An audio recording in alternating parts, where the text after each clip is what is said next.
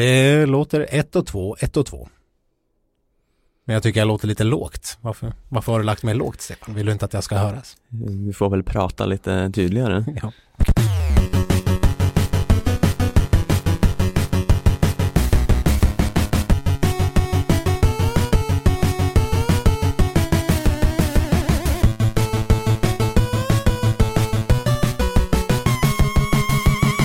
Ja men hallå skidsnack lovers! Eh, välkomna till ännu ett avsnitt av succépodden Skidsnack. Och eh, det är jag Stenqvist som ska lotsa er genom dessa, denna veckas eh, skid och eh, skidskytte-nyheter i världen som vi ska dissekera. Och med mig har jag som eh, vanligt Sköld. Ja, men eh, trevligt att vara här. Trevligt att ha dig här. Ja, Det låter som att det är min podd. ja, hur gick det här till? Får ta tillbaka den nästa vecka. Ett hostile takeover av podden. Ja, eh, ja men om jag skulle lämna nu i protest så skulle du få jävligt jobbigt. Nej, då får jag ju glänsa själv, äntligen. Äntligen har jag lyckats liksom manövrera ut det ur, ur produkten. Jag vet inte riktigt hur eh, den här skulle hålla som enmanspodd. Det finns ju inte jättemånga enmanspoddar överlag. Det, det, det har du rätt i. Nu när jag tänker efter så finns det väl inte en enda enmanspodd. Nej, Nej det finns vara- ju säkert någon men det, den kan ju inte ha så många lyssnare. Nej, det brukar det nog vara någon form av intervju eller något Ja. liknande. Man ska ha väldigt stark självbild om man ska sitta och babbla bara ut i tomma intet själv i en timme. Ja, men det finns, det, det ska gudarna veta att det finns många med starka självbilder här. Ja. I, i, I världen och kanske i poddvärlden framför allt. Mm. Ja, jo, minst sagt. Ja, strunt i det. Hur har veckan varit Stefan? Eh, jo, men den eh, har väl eh, varit bra. Men jag skulle faktiskt vilja eh, kasta tillbaka blicken lite längre hur eh, för föregående vecka, eller hur man säger, har varit. För som vi, Yesterweek. Ye- Yester week. Nej men jag glömde ju helt att säga, vi, det är ju länge sedan jul nu. Men jag ägnade ju julen åt att delvis titta på Fanny och Alexander som går på tv. Jag trodde vi klargjorde i förra veckan att man ägnade julen åt att titta på eh, allt som hade med Lasse Åberg att göra. Ja, men eh, Du vill inte slänga in då? Jag är lite mer var- finkulturell. Ja, jag vet. det var Ingmar Bergman som gällde för jag dig. vågar inte säga det då, för jag kände att jag kanske skulle få spö. Ja, ja, ja, visst, det vet man ju att sådana här Ingmar Bergman-lyssnande töntar, de får ju stryk av Lasse Åberg-fansen. Ja, men eh, jag gjorde en intressant spaning när jag tittade på Fanny och Alexander. Ja, som du ska nu knö in i skitsnack. Ja, eh, men vi kan lyssna på en, en liten scen ur, eh, ur Fanny och Alexander här.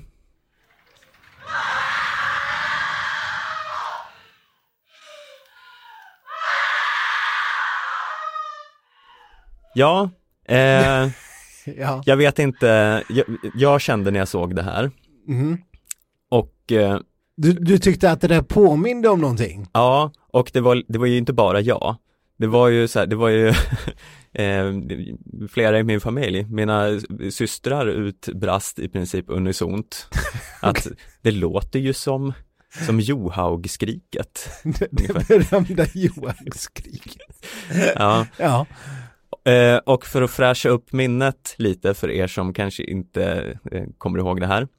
Vill, Men- ska man ge en kontext innan Johaug-skriket kommer eller ska vi Ja, bara... ja, vi kanske ska förklara vad som hände här. Ja, det här var någon scen när, när eh, jag, jag tänker på, det här var ju Fanny Alexander, ja, men jag tänker på det som du ska spela upp härnäst. Ja, ja, vi börjar så. Ja, men nu ska vi ju då spela upp här när eh, Therese Johaug får beskedet om sin eh, avstängning, eh, alltså hur lång avstängningen är. Ja. Och det lät så här. Hæ?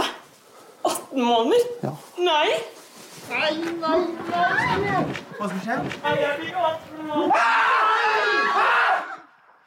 18 måneder. Ja, det här var ju, eh, Det här var ju inte Therese själv som vi hör, eller framförallt. nej, nej hon är ju med i diskussionen här, men det är någon i hennes team. Det är hennes bror som kommer med det här avgrundsvrålet. är, det, är det brorsan som gör det? Ja, det, det, om jag minns rätt. Ja, ja, det är i alla fall någon där i, på det här lägret i Seiseralm där de befann sig som Ja. kommer att meddela det här och utbrister det här avgrundsvrålet. Det här, det här som vi närmast kan likna vid det här, vi har alla fall tidigare i podden liknat vid det här, eh, det här Hollywoodska skriket. The Wilhelm Scream. The Wilhelm Scream. Ja, nej men det är ju för nu återigen, det här är ju ett, fortfarande ett fullt obegripligt skrik. för det finns inget tillfälle i livet, hävdar jag fortfarande, när man skriker så här. Nej. Förutom i skräckfilmsmassaker. Ja, alltså precis. Det är Det ju när man är- blir lemlästad och någon river ut tarmarna på Ja. en, då skriker man så här. Eller om man stöter in tån i något vasst hörn. Ja, Det är liksom antingen lemlästad på tarmar eller tån i vasst hörn. ja. Och då, Eller om man kanske, om man, om man, eh, om man har böjt sig i någonting och slår huvudet i typ en kant. mm, Då kan man också skrika så. ja, Det är de tre tillfällena du. Lemlästad med tarmarna utslitna, slå tån i ett vasst hörn eller slå, slå upp huvudet hastigt i en vass kant. ja. Eh, men om vi då blickar tillbaka till den här Fanny och Alexander-scenen. Ja, Det är, är ju då när Fanny och Alexander vaknar på natten och hör sin mamma skrika. sin döda mamma. Nej, Nej, det här är innan mamman är död. Ja, nej förlåt. Eh, Eh, Ska vi lägga in en sån här spoiler alert för de ja, som inte har jag sett? känner att Fanny och Alexander kanske har passerat någon form av preskriptionstid för spoiler alert. Ja, Men så ni får skylla er själva om ni inte har sett Ja. den än. Det här, there will be spoilers. Ja, nej men det är mamman som står vid pappans eh, grav, eller kista Ja. och vrålar ut sin sorg. Mm. Och även här är det ju ett fullständigt orimligt eh, skrik. För, eh, Så där, här smyger sig lite Bergman-kritik in. ja, men det- så där låter man ju inte. nej, nej. Nej men det är klart man är ledsen och eh, gråter, men det här vrålet det är, Det, det är klassiskt överspel tycker du? Ja, det jag skulle väl kanske säga att det är någon slags felregi. Ja, det är, det, det, är inte, det är inte bara lite Bergman-kritik, det här är en fullkomlig... Det är ingen kritik mot Eva Fröling det här som Nej. står för vrålet. Det Nej. är nog kritik mot Ingmar Bergman själv. Ja, en fullkomlig sågning, Ja. skulle jag vilja säga. Mm. Ja, nej, så göra om, gör rätt Bergman. Ja. Är det det som är slutsatsen? Jag vet inte riktigt vad eh, jag vill komma fram till med det här. Jag vill bara eh, meddela att jag såg det här i jul. Ja, och du är kritisk till både Bergman, du är kritisk till eh, Therese Johaugs brorsa. Ja, om det nu var hennes brorsa, jag är inte riktigt säker. Ja, du är inte säker. Nej, Men däremot så är du inte kritisk mot Eva Fröling. nej.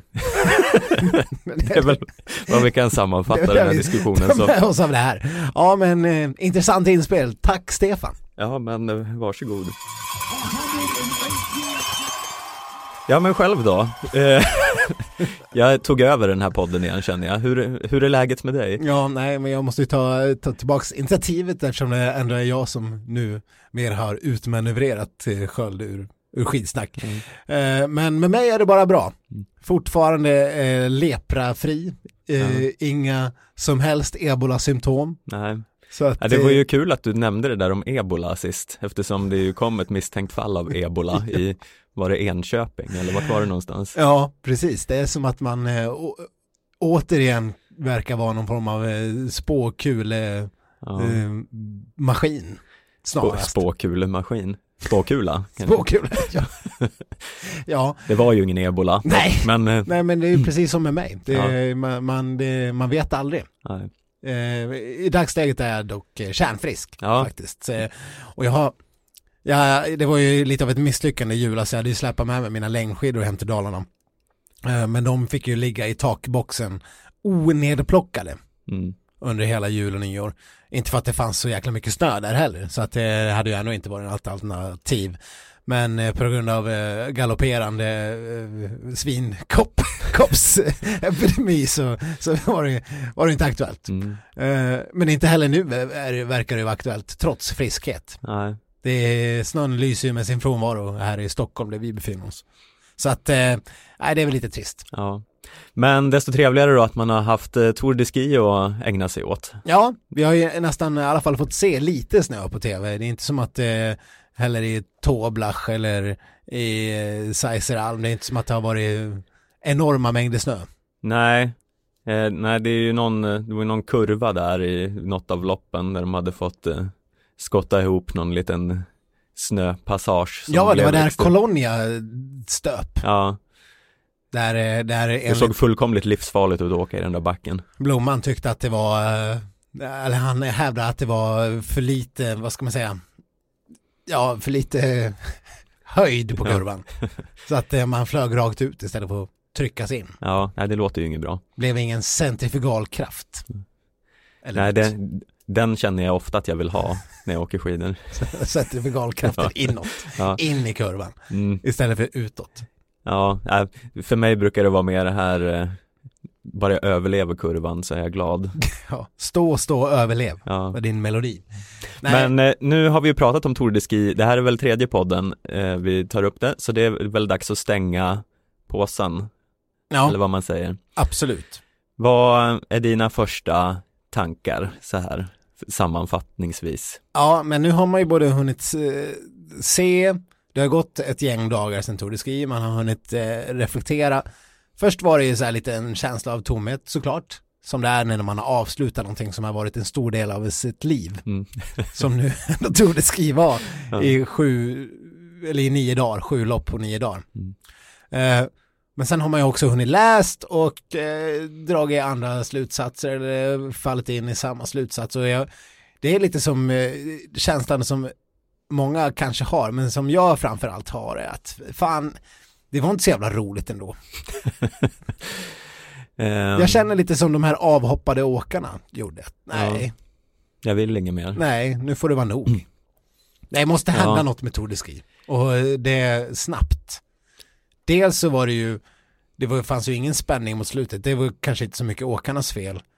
Som, eh, jag menar, de, det, det går inte så att styra över om det ska vara avgjort på förhand eller inte. Men nu var det ju det, både dam och herrklassen. Så, eller kanske inte avgjort på förhand. Man visste inte riktigt vad Kläbo skulle mäkta med. Men det blev ju ingen spänning. Nej, man hade ju trott lite att det skulle vara jämnare än vad det blev, men nu var det ju ganska givet att Östberg skulle vinna och hon gjorde det ju med tidernas största marginal dessutom. Ja, och det var ju Ja, det blev ju aldrig något, så- någon spänning, knappt ens som pallplatserna, även om det kanske var lite mer drag kring dem.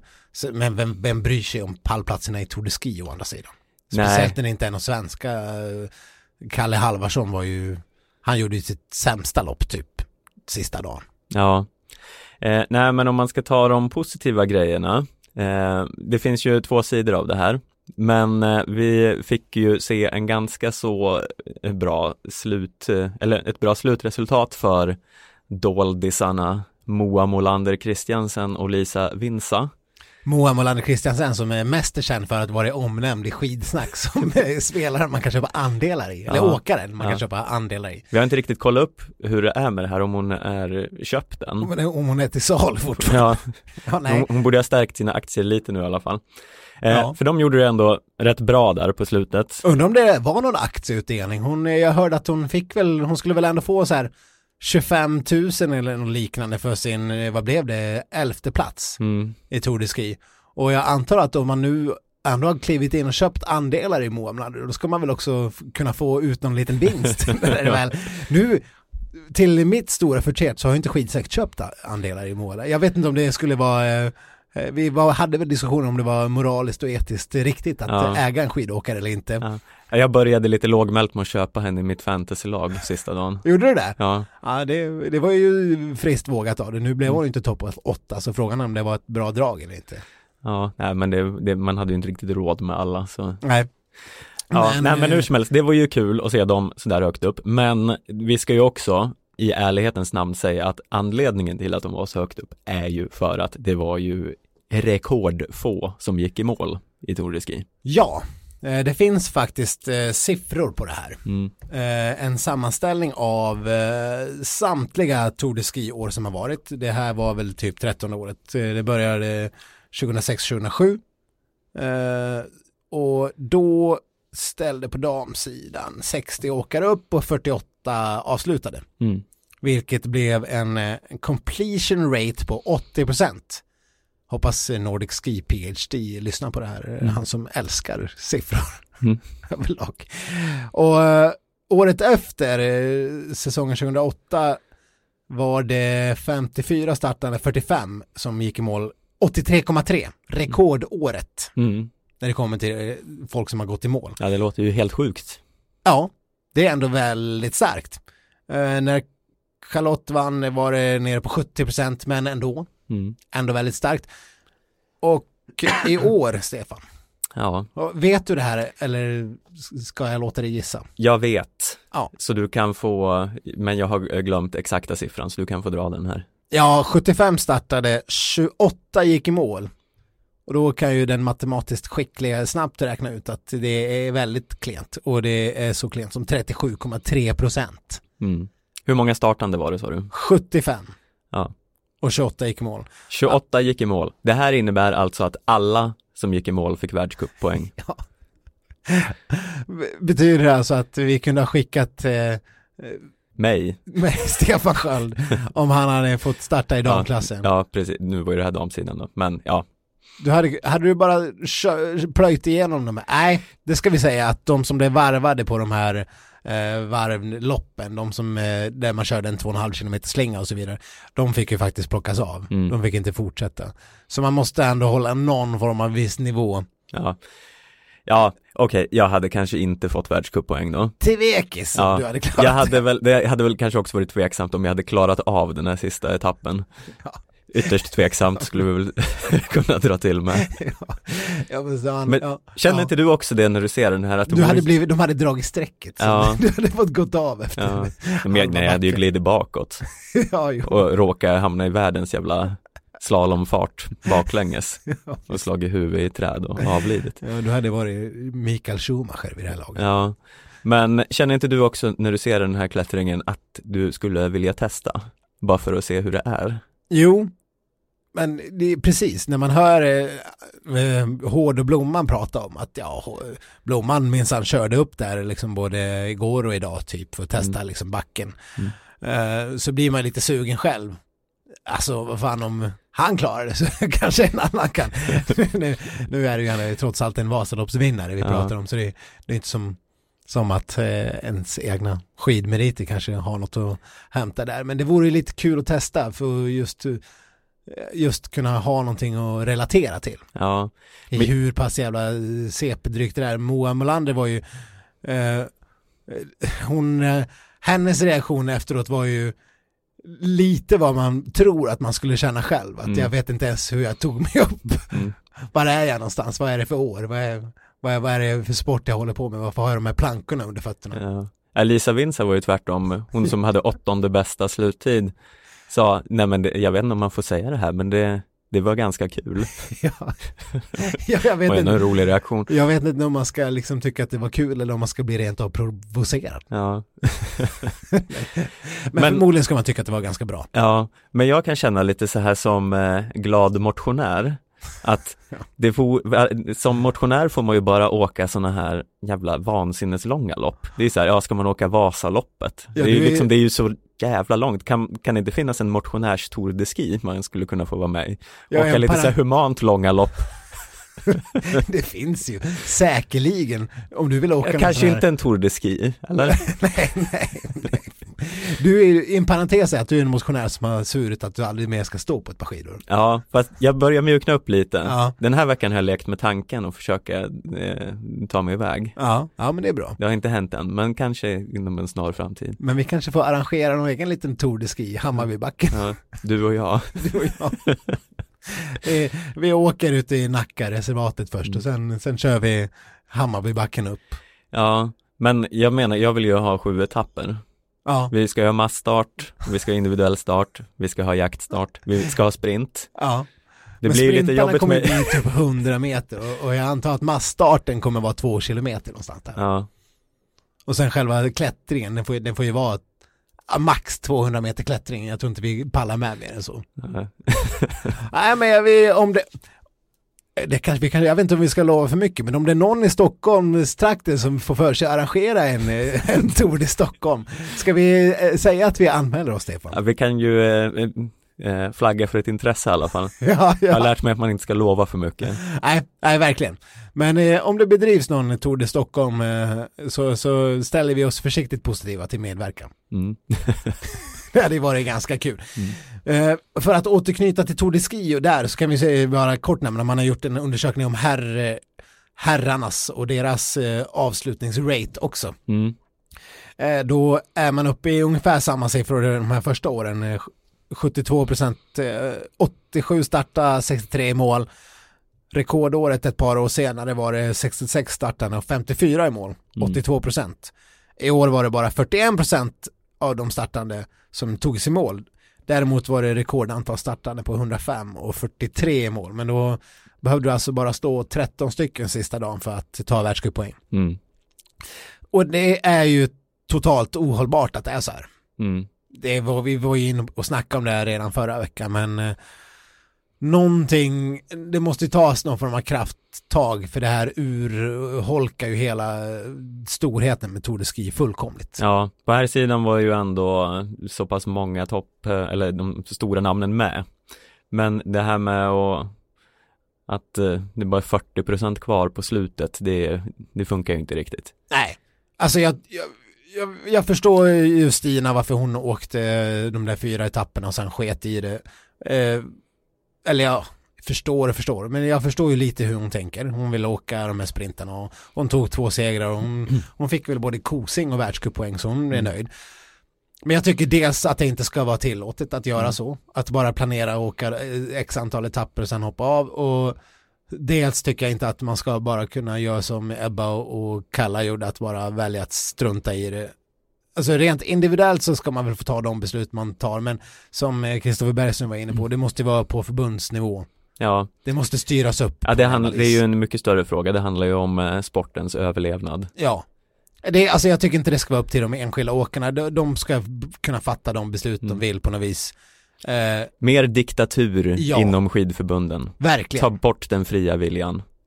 Ja men det, men det är som vilket jävla fotbollslandslag som helst. Jag, jag vill inte vara med på den här eh, kvalmatchen i Kazakstan. Jag har bättre saker för mig.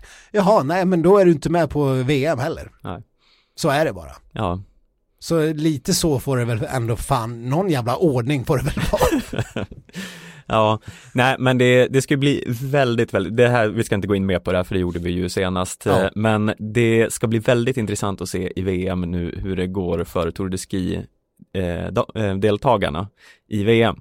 Nu är det så här, man håller ju aldrig på Norge, men det vore ju ändå på något sätt lite kul om Östberg går och vinner allt i VM, bara för att bevisa motsatsen.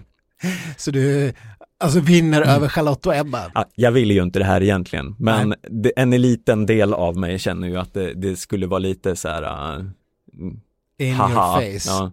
Ja. Ja, jag, jag kan inte annat än hålla med. Eh, det, ja, äh, jag vet inte, det är en konstig, konstig fråga och fundering. Men Mm. någonting måste ju garanterat göras Ja. åt eh, Tour de Ski. Vad- Ska vi säga något annat om, eh, vi är ju ändå på här sidan ett gäng åkare som faktiskt tog sig i mål ja. och mötte världselit. Det som eh, slog mig mest på här sidan det var att eh, den här märkliga, märkliga Kalle Halvarsson-taktiken som han brukar pyssla med lite då och då, den verkar tyvärr ha spridit sig till alla andra i herrlandslaget. För under eh, varsin etapp så testade ju Oskar Svensson och Viktor Thorn med att bara rycka i början. Ja, och ha ett, eh, ja Viktor Thorn hade ju ett jättelångt försprång under ett par eller en kilometer eller vad det nu var. ja, när han gjorde sitt andra utbrytningsförsök efter att i första utbrytningsförsöket har blivit uppåkt av Kalle Halvarsson som Ja. ledde klungan Ja. i jakten med Viktor. Ja, eh, Och sen låg Kalle och ledde den här andra klungan och tänkte man, ja ska han ligga och bromsa här nu lite så här som Hellner och Olsson höll på med i OS för massa år sedan. Men det var ju så tidigt i loppet och man tänkte, men nej, men det här, man kände ju aldrig så bara, åh, det här kommer nog gå väl. nej, nej, men det var ju det att han låg ju verkligen inte och bromsade, han körde ju i kapp. Ja, Så det var ju anti, det var ju antitesen till lagsamarbete. ja. Och vad, nej men vad, Sen tror jag egentligen att det var så här. Jag tror att Kalle, han blev sugen på att göra något stort, att han Mm. skulle dra ifrån klungan och tillsammans med Viktor rycka ifrån. Jag tror det var tanken Mm. någonstans när han åkte ifatt Viktor första gången. Eh, men sen hängde ju klungan på, Mm. eller några, så att det blev ju aldrig, han kom ju aldrig loss. Så allt blev ju ett epic fail. Mm. Så när Viktor, när Torn gjorde sitt andra utryckningsförsök, och det, och det här var ju liksom, vad var det här, två kilometer in i Ja. loppet liksom. Då släppte han ju honom och gjorde det rimliga, lät honom gå själv. Men det var ju, allt var ju poänglöst ändå. Ja, eh, nej men man frågar sig lite, vad var tanken? Det, det kan ju inte, Ja. jag, nej jag kan för mitt liv inte begripa vad tanken var. Och samma, Oskar Svensson gjorde ju samma sak i ett annat lopp. Ja. Inte riktigt lika distinkt men ändå hade en eh, ganska hyfsat eh, försprång en bit. Ja. Och då tänker man, har de tittat så mycket på Kalle Halvarsson, så bara, oh ja, ja, ja, Kalle, min idol, jag ska också göra så här. Han har aldrig lyckats, men jag gör så ändå. Ja, nej, jag, vet- jag vet inte. Nej, det är så, det var så märkligt och konstigt och dumt. Ja, Jag vet inte, Viktor Thorn, han, han föll väl he- bort helt den massstarten som han försökte göra sitt lilla ryck och det var väl då han och Kalle hade någon form av halv framskjuten Mm. placering till slut. ja. Nej men det, ja, jag tycker ändå att de svenska herrarna ska ha kudos för att de eh, slutförde Tour de Ski. Ja, Och Viktor Thorn, ska vi ju säga, hade ju en ganska bra placering på G i ett av loppen när han ramlade och inte kunde komma igen sen. Eh, men ja, det är ju inga resultat att skriva hem om, men eh, ja, i den här eh, debatten som vi har haft så mycket nu de senaste avsnitten så tycker jag ändå liksom stort av dem och eh, stå kvar. A for effort. Ja. Kan vi säga. Ja. Har vi något mer vi behöver eh, sammanfatta om Tour de Ski eller ska vi blicka framåt mot nästa år då det ju borde bli en eh, veritabel eh, succé eftersom det inte är eh, mästerskapsår. Nej, då kommer ju det rimligtvis vara någon form av mål för många av åkarna. Ja. Att kanske prestera ganska bra där eftersom det ändå är fortfarande, får man väl ändå säga, något av flaggskepp vad gäller världscupsäsongen. Tour de Ski fortfarande. Eh, men eh, ja, om vi kan ta en liten så diskussion om hur upplägget så tycker jag fortfarande att, eh, eller tycker nu med en fas att det har varit en väldigt tråkig Tour de Ski på det viset att det inte har varit något långlopp eller något längre lopp. Det har varit så likartade. Det har ju varit två sprintar och sen resten 15 och 10 kilometers lopp. Mm. Förutom de här avslutande etappen. Det är ju, det är ju värdelöst. Ja, eh, nej men absolut. Mer variation. Bara för att ni slänger in tre kullar och ett 20 centimeters hopp gör ju inte att hela Tour-upplevelsen blir liksom ny och fräsch. Nej, nej, man kommer ju kanske inte minnas det som det som revolutionerade Tour de Ski. Nej, back to the drawing board om det ska bli någonting av det här. Ja, vi erbjuder som vanligt våra tjänster. Alltid. Ready to pop the question? The jewelers at BlueNile.com have got sparkle down to a science with beautiful lab grown diamonds worthy of your most brilliant moments. Their lab grown diamonds are independently graded and guaranteed identical to natural diamonds, and they're ready to ship to your door. Go to BlueNile.com and use promo code LISTEN to get $50 off your purchase of $500 or more. That's code LISTEN at BlueNile.com for $50 off. BlueNile.com code LISTEN.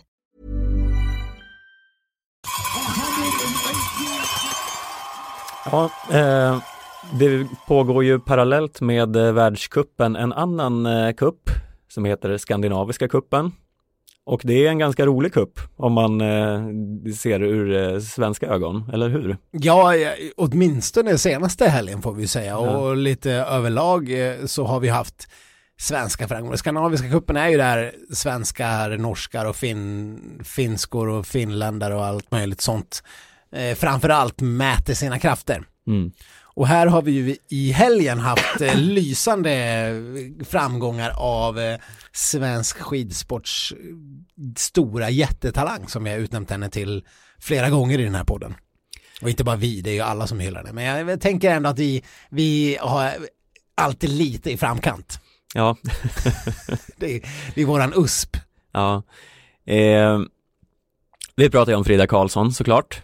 Ja, den nya Johaug som han är även utnämnd som. Är det inte Ebba som är nya Johaug? Nej.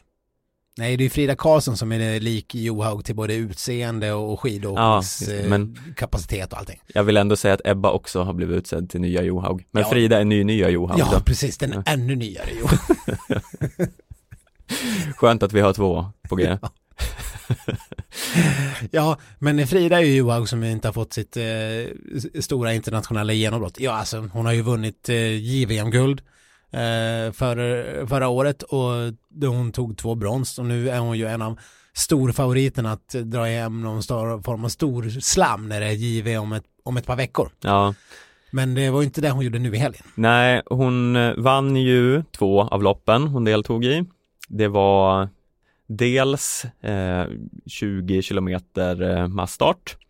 Där drog hon till och vann med två minuter, eller 1.50 om vi ska vara exakt. Det är helt galet. Ja, över eh, eh, norska Ann-Kersti Kalvå som, eh, hon är ju en enorm eh, norsk talang. Två eh. år yngre än Frida ska vi säga dock. Eh, nej, Nej, är hon inte. nej, nu Nej, tänker du på eh, eh, skistad. Nej, hon är lika gammal. Ja, nej, Kalvå är ju faktiskt eh, äldre, ser Jaha. jag här i min, mina papper. Ja, förlåt. Jag tänker på någon helt annan. Ja, men eh, hon har ju deltagit i världscup och eh, ja, kanske inte haft några superframskjutna placeringar men ändå mm, visat sig. Eh, från en bra sida, två och två minuter är ju då rätt jävla otroligt. Ja, För sen ska man ju, eh, om man tittar på skillnaden sen mellan resten av åkarna så är det ju så här som vanligt 3-4 sekunder.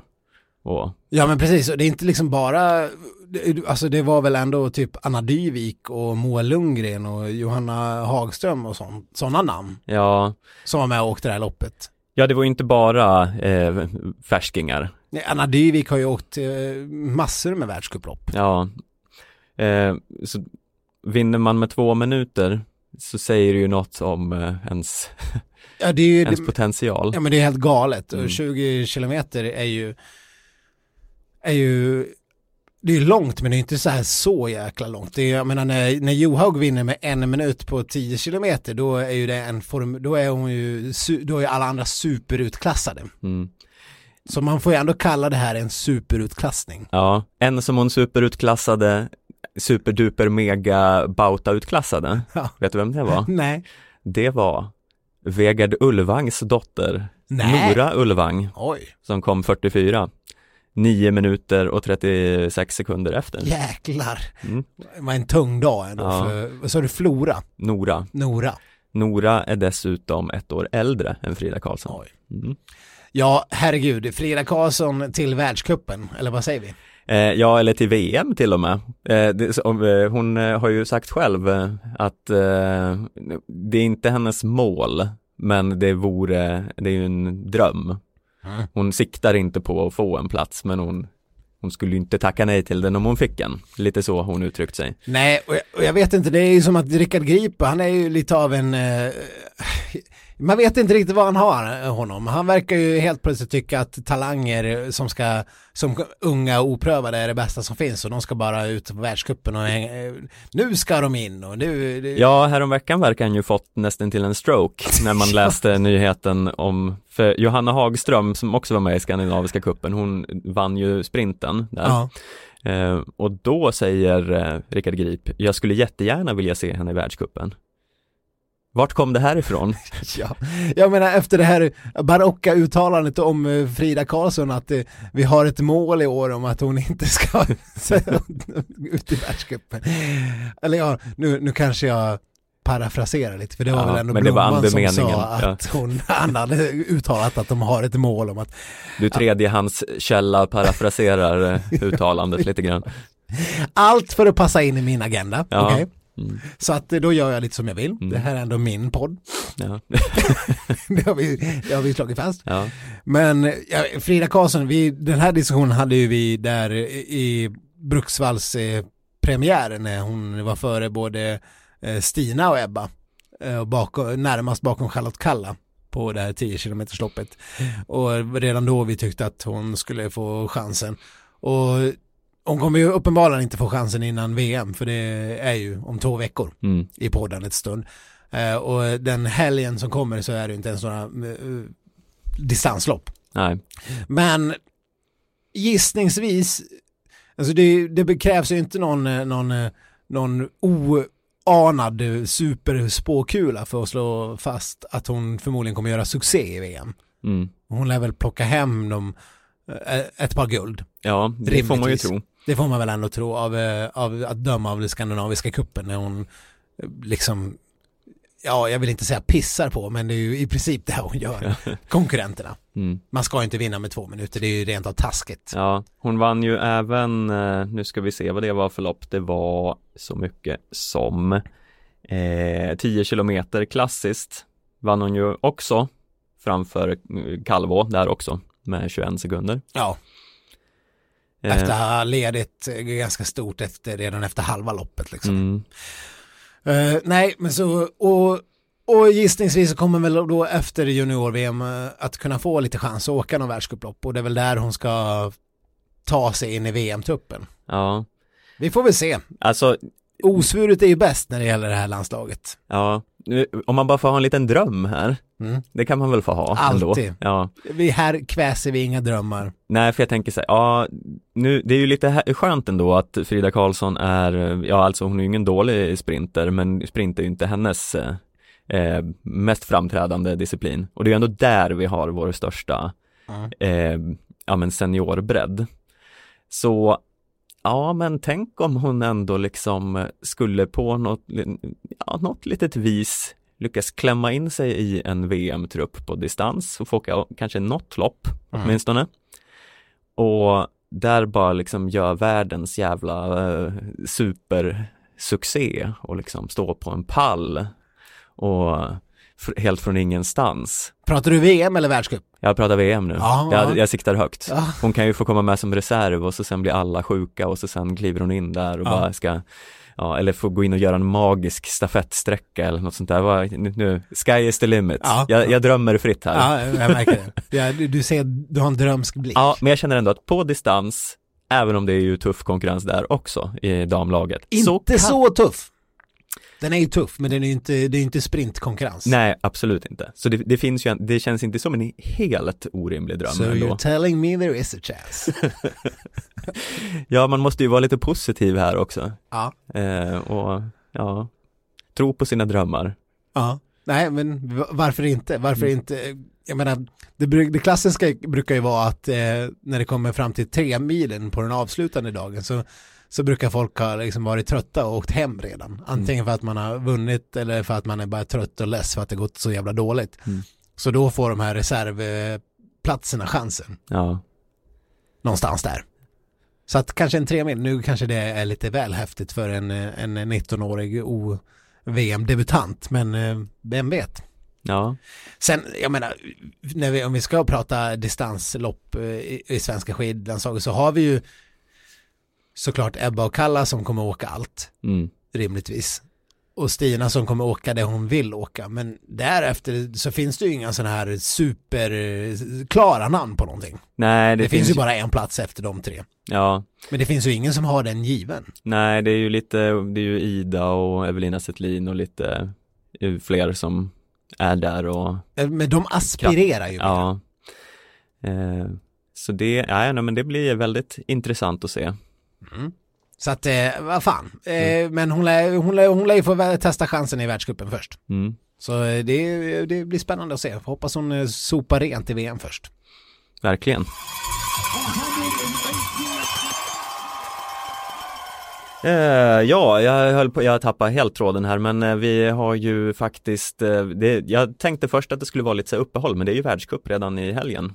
Alltså typ nu när ni lyssnar på detta. Ja, jag vet. Jag, jag såg den här, då släpper vi trupperna till Dresden och jag tänkte, jaha, när är det där? Är det Om några veckor eller? Men nej, det är på fredag, eller lördag typ. Mm.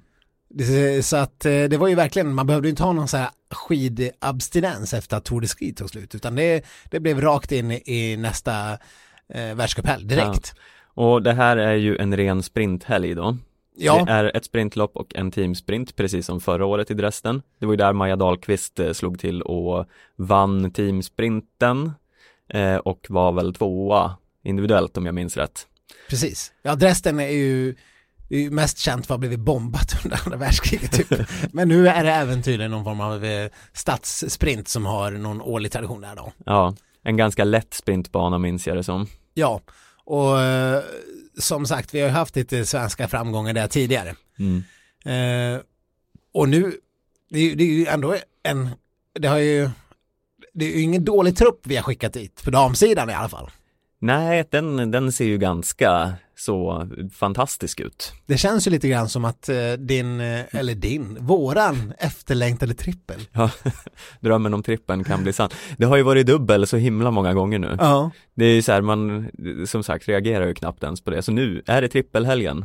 Men är det inte det? Ja, Alltså, vi skickar nu alltså Ida Ingemarsdotter, Maja Dahlqvist, Evelina Zettlin, Hanna Falk, Stina Nilsson och så just det, en till, Jonna Sundling. ja, alla sex kan ju vara i final.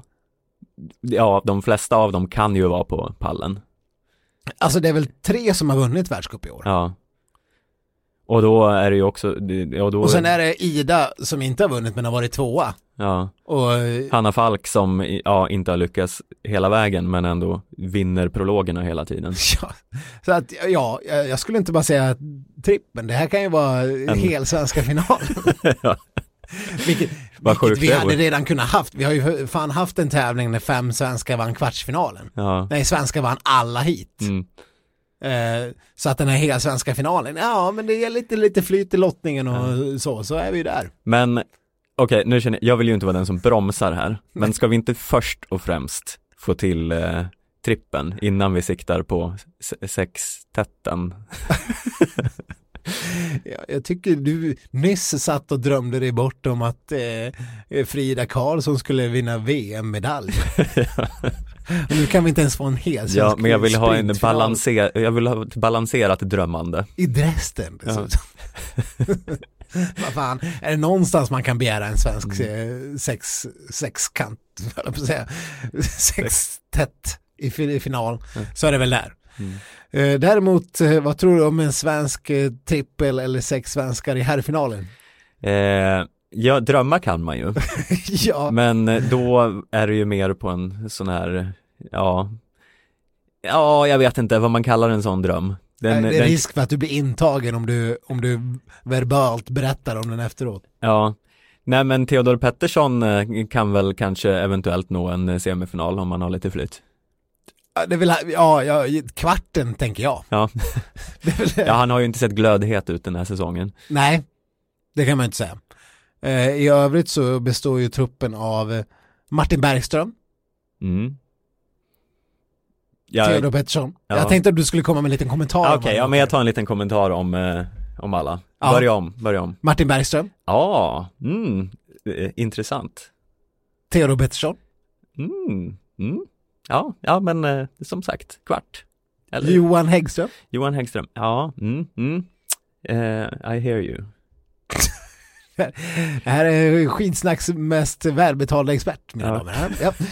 Eh, Gustav Berglund, Mm, kul, kul att han får chansen. Hugo Jakobsson, Åh, ja, ska äntligen bli, bli, äntligen får man se honom. och sist men inte minst Gustav Nordström. Ja, nej men, ja, så kul, så kul. Det här är lite som när svenska fotbollslandslaget presenterar sin trupp till den här så kallade januariturnén varje år. Mm. Man sitter och kollar igenom och bara, ja, vem är det här då? Jaha, mittback i Trelleborg, ja, spännande. Man har liksom ingen aning om vilka de är i princip.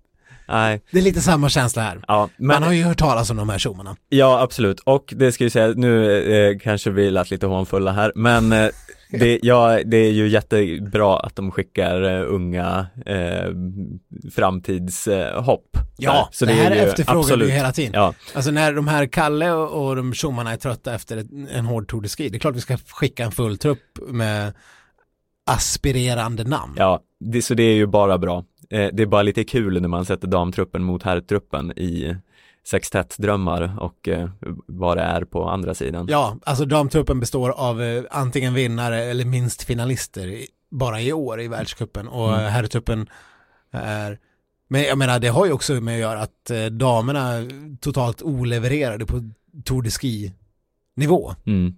Så att eh, jag vet inte liksom, snarare är ju kritiken mot damerna Mm. starkare än eh, hånet mot herrarnas trupp till, Ja. till resten. Ja. Om vi ska, Ja, hade de bara tagit sitt ansvar i Tour de Ski hade de inte kunnat vara här och eh, kämpa nu i helgen. nej men verkligen, lite så är det. Ja. Ja, jag vet inte vad, hur mycket man kan prata om det resten. Det är ju den här hittepå-tävlingen eh, sprintstafett också. Ja, ja jag vet eh, eh, hur mycket du hatar den. Nej, hat är ett väldigt starkt ord. Ja. Jag, jag vet hur mycket tankar du har kring den. Eh, och jag delar väl dem till eh, stor del. ja. Eh, men, eh, för det, ja, det är ju lite så här, ja, ja, okej, de, de vann. Man känner ju inte riktigt att, åh, vad fantastiskt. Men eh, det är ju kul på så sätt att vi har så, vi, hur många lag får vara med? Är det två eller tre? Jag har väl för mig att det brukar vara två lag. Ja, det är väl kanske hemnationen som får ha fler då. Nej, jag vet inte tusen om det ens är det i världscupen. Men det som blir intressant, det jag kommer att lägga ett, kasta ett extra getöga på är ju hur svenska, ja herrlandslaget kan vi inte bygga oss om eftersom det kommer inte ha någonting med VM att göra. Men det blir ju i högsta grad intressant att se hur man formerar de här lagen i damtruppen. Ja, förra året vann ju Sverige 2 över Sverige 1. Eh, och jag, nu minns jag inte sammansättningen av lagen för det är ju väldigt svårt att förutse. Ja, och här ska man ju veta att i VM då får vi bara ha ett lag. Mm. Man kan inte vinna guld och silver i, i en VM-stafett, utan det kan man bara vinna guld. Så då är det ju frågan vem som eh, ska få åka med Stina Nilsson. Exakt, hon är ju ja, helt självklart en, givna, en given åkare i, även i VM. Mm. Hon är hon är supermega favorit att ta guld i individuella sprinten och kommer såklart att få åka, alltså ja, det är bara ett, ett benbrott som stoppar henne från en plats i sprintlaget. Ja, så det, man kan lite se den här helgen som en, eh, Tryout. form av, ja, tryouts, som lite så amerikanska mästerskapen i friidrott, när Ja, det är liksom do or die. Ja, du måste komma topp fyra, annars får du inte åka. Ja, Liksom. Mm. Och sen ska vi, det är ju lite taskigt mot de här eh, Ida och Hanna och Jonna och alla vilka du är.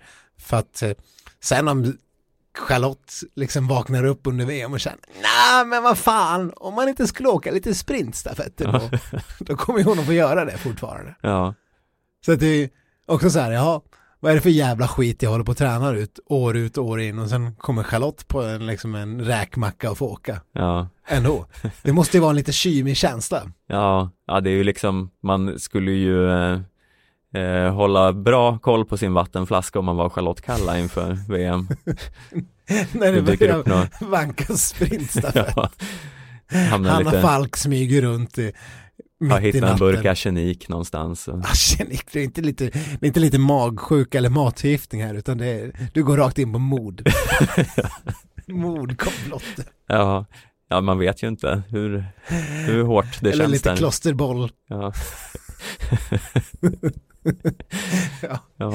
Det här, jag, jag, jag vet inte om vi nämnde det här någon gång men det var väldigt roligt när eh, det del, eh, på presskonferens som eh, svenska landslaget höll någon gång i förra året delade ut läppsalva eh, till journalisterna eh, apropå klosterboll. Ja, som någon form av peak till Ja, ja. det var ju väldigt osvenskt. ja jag, tror, jag, jag tror det var en sån där grej som vi pratade om att det här måste vi ta upp. Ja, Och så har det bara aldrig tagits upp. Men Ja. det, är ju, det är ju helt insane. ja. Men, men jag, jag kan nog tycka att det, det var lite pikt och kul. Ja, ja mer, mer, Mer sådana galna, till, galna tilltaget från landslagstruppen. ja. Eller landslagsledningen. Ja, det, det vore lite uppfriskande. Eh, men eh, du, eh, vad, vad är det egentligen du tycker så illa om eh, med teamsprint? Nej men alltså det är ju, men själva formen på det är ju inte, det, är, det har ju ingenting riktigt med sprint att göra. Så, som att man, det är ju inte naturligt, naturligt, inget av det här är ju naturligt i sport. men men det, det blir en så konstig mix av, eh, av distans och sprint. För när man åker de här, säg att, säg att en bana är 1,4 kilometer. Nu Mm. kanske teamsprintvarven brukar vara kortare, jag vet faktiskt inte på rak arm om de brukar vara lite kortare, men det är ändå, det är ändå, tanken är att du ska åka ett sprintvarv Mm, och att du ska göra det tre gånger i en final. ja, Och i, i många fall eh, så är det väl eh, ett kval innan, i alla fall när det gäller VM och sånt. Om det är dagen innan så är det ju ändå på två dagar du ska åka de här. Det är ju som, det blir ju, för damerna blir ju det, ja vad blir det, 1,4 kilometer, eller 4,2 kilometer någonstans, eller 4,5 om det är lite längre. Så det är ju typ som ett lopp Mm. för dem. För, förr i tiden i världscupen hade man ju 5 kilometers lopp för damer. Mm. Och det kör de ju fortfarande på typ junior-VM Mm. och sånt. Ja, och det förekommer väl fortfarande i så här prologer i eh, minitorer Ja. ibland. Alltså, så att de åker ju typ ett lopp på den här stafetten. Alltså lika långt som en damstafett är. Mm. Det är ju inte sprint, varför kallar man, ja, sprintstafett, det är ju, då får de dra ner och köra 500 meter eller någonting då. Så det blir en riktig sprintstafett, Ja. kan jag känna. Så att man åker totalt en sprint och sen växlar över så det blir lite, lite då skulle det bli lite riktig action. Nu är det ju som att de åker och känner på varandra i, i alla fall de fyra första och sen kanske lag, alltså den första mannen i varje lag försöker dra isär lite grann sådär men det blir ju aldrig någonting. Så Skulle- att, eh, ja, jag tycker, det, det, det är inte sprint och det är inte stafett och det är, det är liksom ing, det är bara halva mellanting av alltihop. Ja. Dra ner det till 500 meter. Mm. Skulle man kunna öka och ha tre pers? Vad tror du om den lösningen? Då får man ju åka lite mindre och det blir mer av en laginsats. Men då menar att man bara åker ett varv var Man åker väl, eh, nej man åker två varv var. på tre pers. Ja. Då blir, då, då blir, kör de lite längre. Det Nej nej längre men det är ju, de kör ju tre gånger var. Ja, just det. Mm. Ja, kanske. Mm. Eller att de åker fyra pers och kör ett varv var. Då Mm. är det ju en riktig sprintstafett. Ja. Då är det ju som en vanlig stafett fast sprint. Ja, ja men där kanske vi har något. Vi har löst, vi har knäckt nöten. Ja men, ja men vad fan, du har ju, det är som friidrott, du har, du har sprintstafetten som är 100 meter och sen har du eh, 400 meter som är 400 meter. 400 meter. ja men som är, ty, 400 meter är i princip som en medeldistans egentligen. Ja. Så att eh, det, där har vi lösningen. Ta fyra stycken och så sätter ju det också lite press på att du måste ha lite bredd i landslaget. Ja, Det, och det skulle ju- gynnar- skulle ju högst. det gynnar Sverige gynna väldigt väl. Ja, i det här fallet gör det otroligt mycket det. Mm. Ja, men det skulle bli en, det slår ju så olika hur en åkare tar eh, fyra, alltså tre sträckor i benen. Det är därför Charlotte Kalla just kan åka sprintstafett och vara ganska bra på det. Hon har ju tagit flera internationella medaljer på det här. Just för att hon är, har kapaciteten. Mm. Det är därför Hanna Falk aldrig får åka någon sprintstafett för att man kanske inte tror att hon mäktar med det. Mm. Alltså om vi, om vi skulle ha på riktigt en stafett där det är fyra stycken åkare som åker en sprintsträcka var, då skulle Hanna Falk få tas ut som ett av de första namnen i laget alla dagar i veckan, för vi vet hur, hur jävla bra hon är på att åka just ett varv, och det är därför hon vinner prologen varje gång. Mm. För att det är det hon är bra på. Ja. Då skulle det bli fyra riktiga sprinters som man skulle prioritera. Och du, inte... du, du brinner absolut för den här idén. då? Ja, ja. alltså det är ju helt obegripligt att det inte är så nu när jag tänker efter. Ja. Du håller du inte med? Jo, jag, jag håller absolut med. Den blir ju lite kortare, men det gör ju ingenting. Nej, nej det gör ju absolut ingenting. Det, det, det är dessutom det. Mm. De håller ju på i typ en kvart med den här skiten. Mm. Varv på varv på varv på varv. Ja. Nej, ja, asdumt. Ja. Det är obegripligt att det inte är så här. ja. Men med det så kanske vi ska lämna det här ämnet. När vi har löst gåtan. Ja. Så varsågod Fiss. Ja, alltså det är väl, jag tycker nu har vi kört så många gånger så är det inte lika bra att avrunda även denna podd med lite så här härlig, god rysspoesi. Ja, jag älskar ju dina rysspoesi stunder. Så att eh, det tycker jag verkligen du ska göra. Ja, hur, har du liksom, em, har du konsumerat någon rysspoesi själv den här veckan eller? Ja, jag, jag, jag, jag gick faktiskt och kollade in en. Jag kan inte säga att den har riktigt den här artistiska eller den filosofiska fulländningen som dina eh, poesialster hade. Men jag tyckte det fanns någonting här ändå. Mm. Jag ska ge lite bakgrundsinfo till, tänk om du har tagit samma då, det blir lite tråkigt för dig då när jag liksom går in och hijackar din. Ja. ja, vi har ju en historia att välja ut samma grejer, typ när det gäller rim och sånt. Ja. ja, men här kommer i alla fall denna. Det är Maxim Vylegzjanins eh, eh, inlägg om just Tour de Ski. Mm. Han, eh, ja, ja, vi kan väl ta eh, eventuell eh, background efteråt. Mm. Här kommer den. Jul som hette Min sista Tour de Ski tog slut. Tyvärr passade den här turnén inte i den bästa formen. Lyckades brottas med de klassiska raserna, men över saken får jobba mer. Trevlig helg till alla. Tack för ert stöd. PS. Jämför med tidigare år. Jag kan med tillförsikt säga att formatet på Tour de Ski är väldigt annorlunda nu, mindre intressant. Men det minskar inte förtjänsten av Sergej Ustugova. Sergej 86M. Tumme upp. Hashtag Tour de Ski. Mm. Ja, det är, rysningar.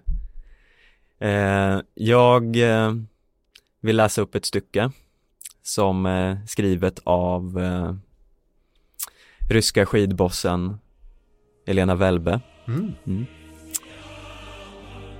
CD-skivor är på väg mot ett slut.